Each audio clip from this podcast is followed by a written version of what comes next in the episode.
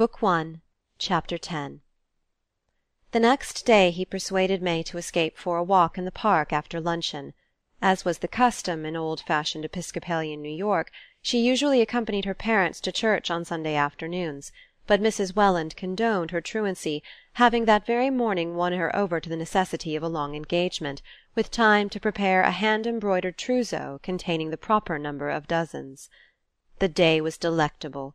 The bare vaunting of trees along the Mall was sealed with lapis lazuli, and arched above snow that shone like splintered crystals. It was the weather to call out May's radiance, and she burned like a young maple in the frost. Archer was proud of the glances turned on her, and the simple joy of possessorship cleared away his underlying perplexities. "It's so delicious waking every morning to smell lily of the valley in one's room," she said. Yesterday they came late. I hadn't time in the morning."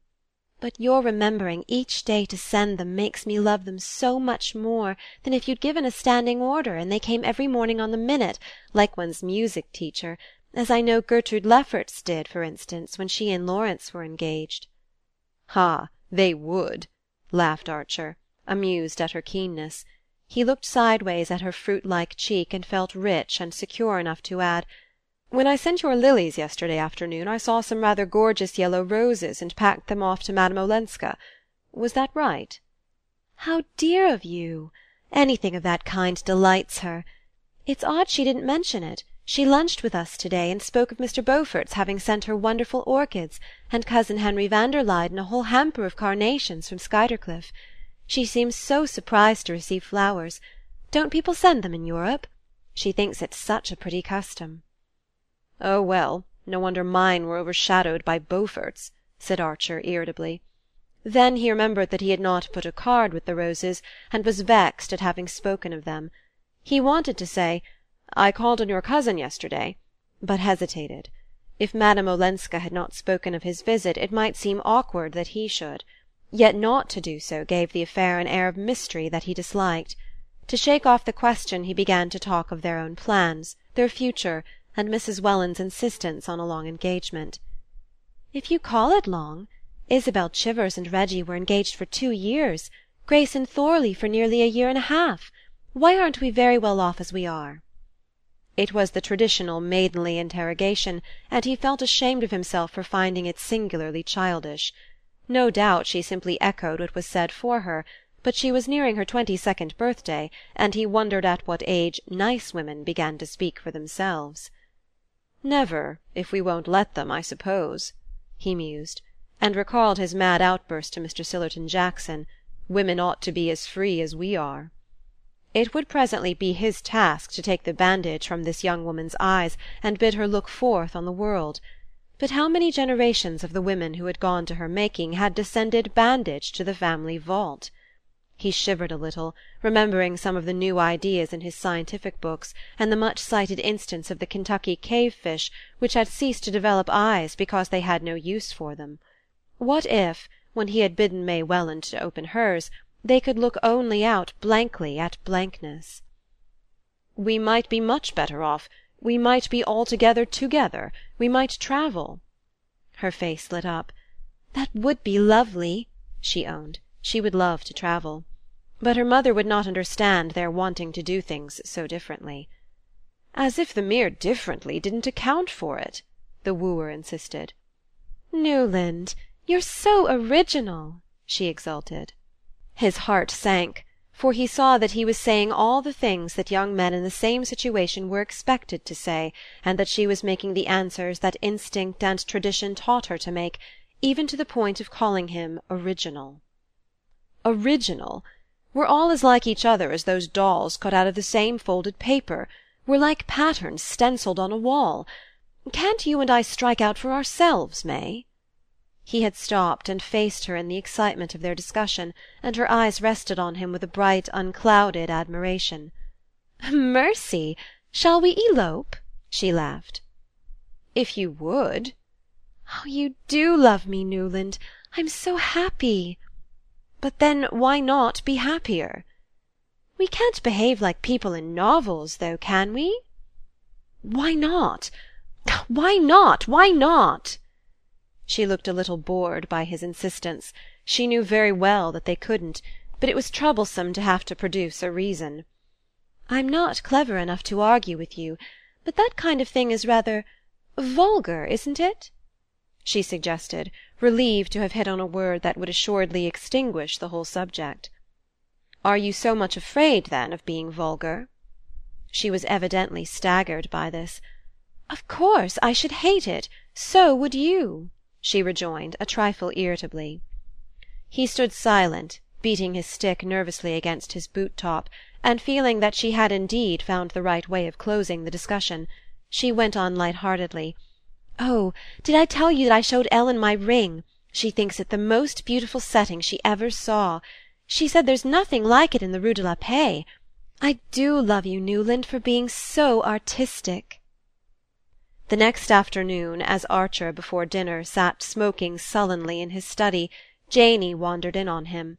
He had failed to stop at his club on the way up from the office, where he exercised the profession of the law in the leisurely manner common to well to do New Yorkers of his class. He was out of spirits and slightly out of temper, and a haunting horror of doing the same thing every day at the same hour besieged his brain. "Sameness, sameness," he muttered the word running through his head like a persecuting theme as he saw the familiar tall hatted figures lounging behind the plate glass; and because he usually dropped in at the club at that hour he had gone home instead.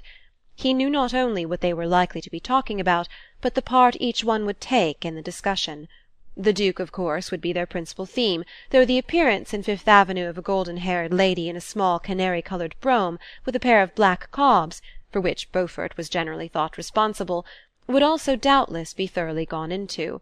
Such "women," as they were called, were few in New York, those driving their own carriages still fewer, and the appearance of Miss Fanny Ring in Fifth Avenue at the fashionable hour had profoundly agitated society. Only the day before her carriage had passed Mrs. Lovell Mingott's, and the latter had instantly rung the little bell at her elbow and ordered the coachman to drive her home. What if it had happened to Mrs. van der Luyden? people asked each other with a shudder. Archer could hear Lawrence Lefferts at that very hour holding forth on the disintegration of society. He raised his head irritably when his sister Janey entered, and then quickly bent over his book Swinburne's Chastelard, just out as if he had not seen her. She glanced at the writing table heaped with books, opened a volume of the Contes Drolatiques, and made a wry face over the archaic French, and sighed. "What learned things you read!" "Well?" He asked, as she hovered Cassandra like before him. "Mother's very angry." "Angry? With whom? What about?" "Miss Sophy Jackson has just been here. She brought word that her brother would come in after dinner. She couldn't say very much, because he forbade her to. He wishes to give all the details himself. He's with Cousin Louisa van der Luyden now." "For heaven's sake, my dear girl, try a fresh start. It would take an omniscient deity to know what you're talking about." "It's not a time to be profane, Newland. Mother feels badly enough about your not going to church." With a groan he plunged back into his book. "Newland, do listen. Your friend Madame Olenska was at Mrs. Lemuel Struthers's party last night. She went there with the Duke and Mr. Beaufort." At the last clause of this announcement a senseless anger swelled the young man's breast. To smother it he laughed. "Well, what of it? I knew she meant to." Janey paled and her eyes began to project. "You knew she meant to, and you didn't try to stop her to warn her?" "Stop her? Warn her?" he laughed again. "I'm not engaged to be married to the Countess Olenska." The words had a fantastic sound in his own ears. "You're marrying into her family." "Oh, family, family!" he jeered. "Newland! Don't you care about family?" "Not a brass farthing." "Nor about what Cousin Louisa van der Luyden will think?"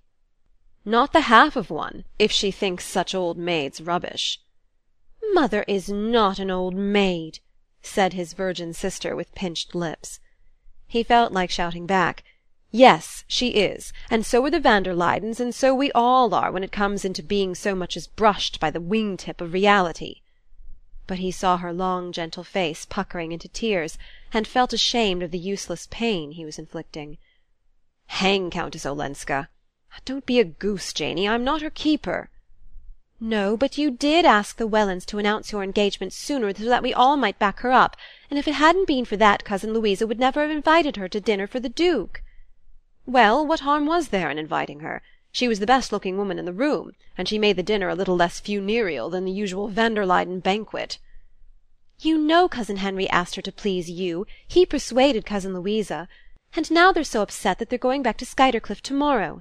I think, Newland, you'd better come down. You don't seem to understand how mother feels." In the drawing room Newland found his mother. She raised a troubled brow from her needlework to ask: "Has Janey told you?" "Yes." He tried to keep his tone as measured as her own. "But I can't take it very seriously." "Not the fact of having offended cousin Louisa and cousin Henry?" the fact that they can be offended by such a trifle as Countess Olenska's going to the house of a woman they consider common. Consider! Well, who is, but who has good music and amuses people on Sunday evenings when the whole of New York is dying of inanition. Good music!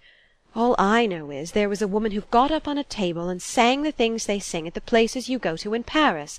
There was smoking and champagne. Well, that kind of thing happens in other places, and the world still goes on." "I don't suppose, dear, you're really defending the French Sunday." "I've heard you often enough, mother, grumble at the English Sunday when we've been in London." "New York is neither Paris nor London." "Oh no, it's not," her son groaned. "You mean, I suppose, that society here is not as brilliant? You're right, I dare say. But we belong here and people should respect our ways when they come among us. Ellen Olenska especially. She came back to get away from the kind of life people lead in brilliant societies." Newland made no answer, and after a moment his mother ventured: "I was going to put on my bonnet and ask you to take me to see cousin Louisa for a moment before dinner." He frowned, and she continued: "I thought you might explain to her what you've just said, that society abroad is different, that people are not as particular and that Madame Olenska may not have realized how we feel about such things. It would be, you know, dear," she added with an innocent adroitness, "in Madame Olenska's interest if you did." "Dearest mother, I really don't see how we're concerned in the matter. The Duke took Madame Olenska to Mrs. Struthers; in fact he brought Mrs. Struthers to call on her. I was there when they came. If the van der Luydens want to quarrel with anybody, the real culprit is under their own roof." "Quarrel? Newland! Did you ever know of cousin Henry's quarrelling? Besides, the Duke is his guest, and a stranger too. Strangers don't discriminate. How should they? Countess Olenska is a New Yorker, and should have respected the feelings of New York." "Well, then, if they must have a victim, you may have my leave to throw Madame Olenska to them," cried her son, exasperated. "I don't see myself, or you either, offering ourselves up to expiate her crimes. "Oh, of course, you only see the Mingott side," his mother answered, in the sensitive tone that was her nearest approach to anger.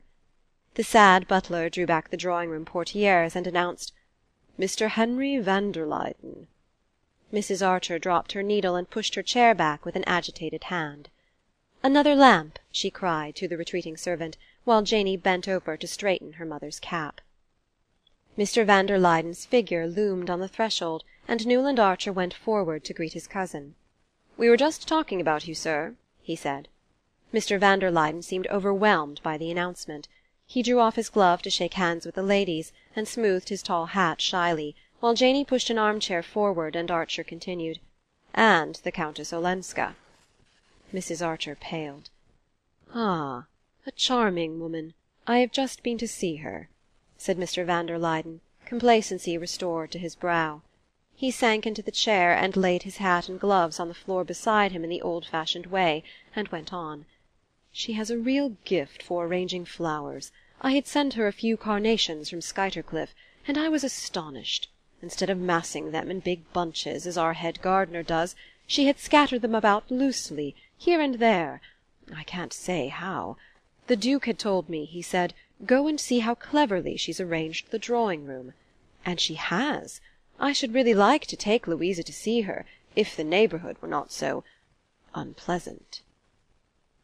A dead silence greeted this unusual flow of words from Mr. van der Luyden. Mrs. Archer drew her embroidery out of the basket into which she had nervously tumbled it, and Newland, leaning against the chimney-piece and twisting a humming-bird feather screen in his hand, saw Janey's gaping countenance lit up by the coming of the second lamp.